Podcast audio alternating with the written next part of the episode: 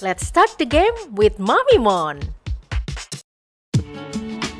Hai kesayangan semuanya, hadir lagi di episode pungkasan, episode yang kelima dari The Power of Habit Charles Duhigg. Uh, di bagian terakhir ini kita berikan judul uh, Starbucks Success Story. Di studio sudah hadir Kang Jawan. Hai, Hai Kang. Mami Mon. Kang Jawan, ini bagian terakhir Iya. Starbucks Success Story. Ini cerita yang sangat menginspirasi sekali Iya. yang eh, bisa digunakan baik dalam konteks individu maupun perusahaan, gitu Iya, ya. iya. Nah, mm, Kang Jawan silakan dulu deh, eh, man first, gitu. Iya. Apa yang yang eh, didapatkan di bagian terakhir ini nih, Kang? Iya, ini i- bagian dari bagaimana mengimplementasikan lingkar kebiasaan di suatu perusahaan ya, satu uh, perusahaan Starbucks. Uh, setiap karyawan yang akan diangkat di Starbucks itu selalu mendapatkan pelatihan. Jadi inti dari pelatihan itu bagaimana punya tekad yang kuat. Jadi kekuatan tekad pada setiap karyawan itu harus dilatih. Sehingga ketika menghadapi komplain dan lain sebagainya dia bisa menguasai emosi. Hmm. Jadi tapi lama kelamaan cara memberikan pelatihan ini yaitu dengan di kelas ya kurang lebih 50 jam dan juga beberapa mentor mentoring itu dianggap masih kurang kurang efektif karena ternyata pada kondisi-kondisi tertentu banyak stafnya yang nggak kuat Hmm. menghadapi itu jadi banyak nangis kayak ketika dikomplain diteriakin sama pelanggan antrian panjang lalu membuat dia semakin emosi gitu kan itu itu nggak kuat maka diubahlah satu metode pelatihannya jadi menggunakan metode namanya metode latte Hmm, L A T T E gitu kayak kan coffee latte gitu kayak ya. coffee latte Mhm. gitu kan. Nah, di sini intinya adalah bagaimana membiasakan diri dengan uh, konten di dalam metode latte itu. Jadi metode latte itu pertama yang L itu listen, Hmm. mendengarkan uh, sang pelanggan dia mengeluhkan apa atau ada masalah apa, lalu kemudian acknowledge. Jadi dia akui deh itu keluhannya itu, terima dulu keluhan itu. Lalu T yang pertama adalah take action, Ya. tindakan apa yang untuk menyelesaikan masalah itu lalu T yang kedua berikutnya adalah thanks berterima kasih dengan memberikan keluhan atau komplain berarti itu masukan dan explain. E terakhir itu explain menjelaskan mengapa itu terjadi. Dijelaskan kepada pelanggan juga mungkin dijelaskan nanti sebagai report ke manajer store. Nah eh, yang menarik adalah setiap karyawan diberi buku catatan Hmm. untuk menuliskan setiap hari minimal satu uh, tentang kejadian-kejadian yang sifatnya komplain atau marah dan lain sebagainya itu. Lalu bagaimana dia mempraktekkan latte-nya, metode latte itu. Jadi tidak ada kasus pun dia harus membuat itu karena nanti akan disimulasikan, di role playkan dengan manajer store sampai akhirnya dia juga akan mendapat ganjaran terima kasih dari uh, manajer store karena sudah bisa menjalankan uh, role play itu. Hmm.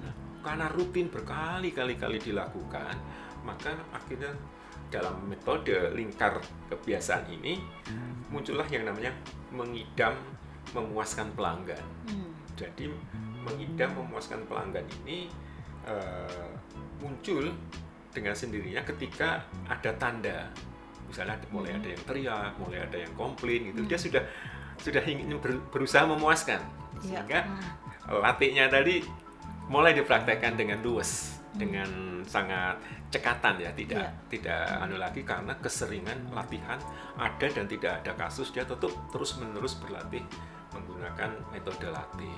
Itu Oh. Mami Mon. Jadi ini eh, menjadi ciri khas karyawan atau staf eh, Starbucks itu ketika menghadapi kasus sedemikian Oke. enaknya dilihat. Nah, gini Kang, eh, bahwa saya saya meng-highlight di bagian ini, otak kita itu tidak bisa membedakan antara kita berhayal atau visualisasi, kita memvisualisasikan atau membayangkan sesuatu Hmm. dengan kenyataannya. Hmm, hmm, hmm, hmm. Karena menggunakan neuropat yang sama. Neuropat Jalurnya tuh bersama. sama gitu. Oke. Kalau kita sering mondar-mandir di situ karena otak kita nggak bisa membedakan itu tadi. Hmm. Nah, jadi ketika saya harus memimpin sales team kami gitu ya, Kang. Ini maka ketika mereka mengatakan ini lagi sepi, Bu. Oke, kalau lagi sepi nggak apa-apa. Eh, mana keluarkan sales leadmu. Ya kan? Hmm, Nah, hmm. eh, dan kemudian eh, dia harus memberikan data-data gitu ya. Iya. Atau dia harus mencari gitu. eh, perusahaan itu butuh apa sih? Hmm, hmm, hmm, Nah, hmm. Kemudian eh, mereka juga ketika sepi, mereka mengatakan sepi, maka mereka harus melakukan simulasi atau role play dengan role play dengan eh, anggota tim tim sales yang lain. Oke. Jadi misalnya si Iya, A, iya. maka si proyeknya A saya lagi mau uh, pitching ke uh, perusahaan X misalnya.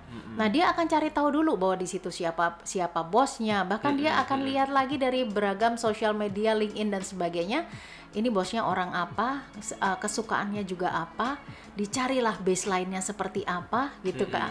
Ya, jadi uh, mereka pun akan role play gitu, me- apa bagaimana cara mereka untuk presentasi dan sebagainya. Dan ini juga menyesuaikan juga dengan em, eh, apa ya traitsnya dari masing-masing orang yang akan dituju. Nah eh, ternyata mereka menjadi senang untuk bertemu dengan orang Ah, ya. iya, Terus mereka juga meningkatkan kemampuan eh, observasi mereka dan Hmm. lain-lain gitu. Nah ini jadi bermanfaat banget nih Kang Iya. untuk menggunakan si eh, kita mengatakan Starbucks eh, si si latte Metode eh, latte ya. metode latte ini Iya. gitu ya. Nah, oke. Jadi metode latte ini dalam posisi bagan lingkar kebiasaan itu sebagai rutinitas. Sebagai rutinitas Nah, di situ. nah, Hmm. Jadi rutinitasnya adalah mengerjakan metode latte. Lalu ganjarannya tentunya ya kepuasan pelanggan Hmm. karena kepuasan pelanggan itu meng- mengakibatkan ya KPI si staff itu menjadi bagus gitu kan. Hmm. Lalu tanda yang harus dihormati yaitu tadi mulai ada uh, yang teriak-teriak, mulai ada yang komplain gitu-gitu dan kita harus sensitif dengan tanda-tanda yang mengakibatkan kita harus melakukan rutinitas mana nih yang harus dikerjakan gitu kan. Jadi inilah siklus di habit loop-nya Starbucks dengan metode latte. Oke, nah eh, untuk tim sales saya waktu itu Kang, itu saya menggunakan metode yang disebut dengan Carolina. Oh, apa itu? gitu. Jadi kamera roll on action Oh. gitu. Nah, jadi ini juga akhirnya mereka akan akan berlaku seperti ar, seperti aktor yang Mm-mm. yang serius gitu Mm. Kang, ya. Nah, itu Iya. tadi The Power of Habit yang sudah kami samerikan menjadi Iya. lima episode. Tentunya kesayangan semuanya mulai eh, memikirkan ya kebiasaan apa yang mau dibangun dan kebiasaan buruk apa juga yang mau diganti Ubah. lagi, diubah lagi. Tentunya Iya. ini bermanfaat dong ya. Sangat. Saya Ah, ah. juga harus berterima kasih dengan penulis dua buku ya. Betul. James. Clear, Atomic Habit, dan ini uh, Charles Duhigg tentang Iya. The Power of Habit karena banyak sekali saya belajar dari sini dan semakin tahu bahwa ternyata kebiasaan itu ada polanya yang Uh-uh. bisa dipelajari sehingga mana yang akan kita cermati, habit apa yang akan kita uh, ubah, habit apa yang akan kita bangun Hmm. itu mendapat semacam optimisme Hmm. saya bisa deh Iya. Melakukan sesuatu ini. Betul. Mungkin saat ini saya belum seperti yang saya bayangkan, tapi saya bisa. Apalagi di James Clear dijelaskan kalau sampai itu mendalam menjadi semacam identitas yang akan kita bangun, Nah. itu semakin long term. Ah, ah, ah, ah. Gitu, Mami. Pentingnya membangun identitas. Jadi kalau dalam konteks yang terakhir ini, identitas kita misalnya nih tadi kita berbicara dengan tim sales. Oh, saya adalah sales yang uh, handal Iya. gitu ya. Oke. eh, Oke. jadi masih terus eh, stay tune bersama dengan kami karena kami akan bahas lagi praktek-praktek maupun buku-buku supaya apa yang kalau kesayangan tidak eh, punya cukup waktu untuk membaca, maka kami memsamerikannya dan eh, sudah kami internalisasikan dengan pengalaman-pengalaman yang sudah kami coba. Iya. Oke, terima kasih banyak sekali, Kang Jawan. Jangan bosan-bosan untuk terus berbagi bersama dengan kami. Iya. Terima kasih. Terima kasih. Oke, bye-bye. Bye-bye.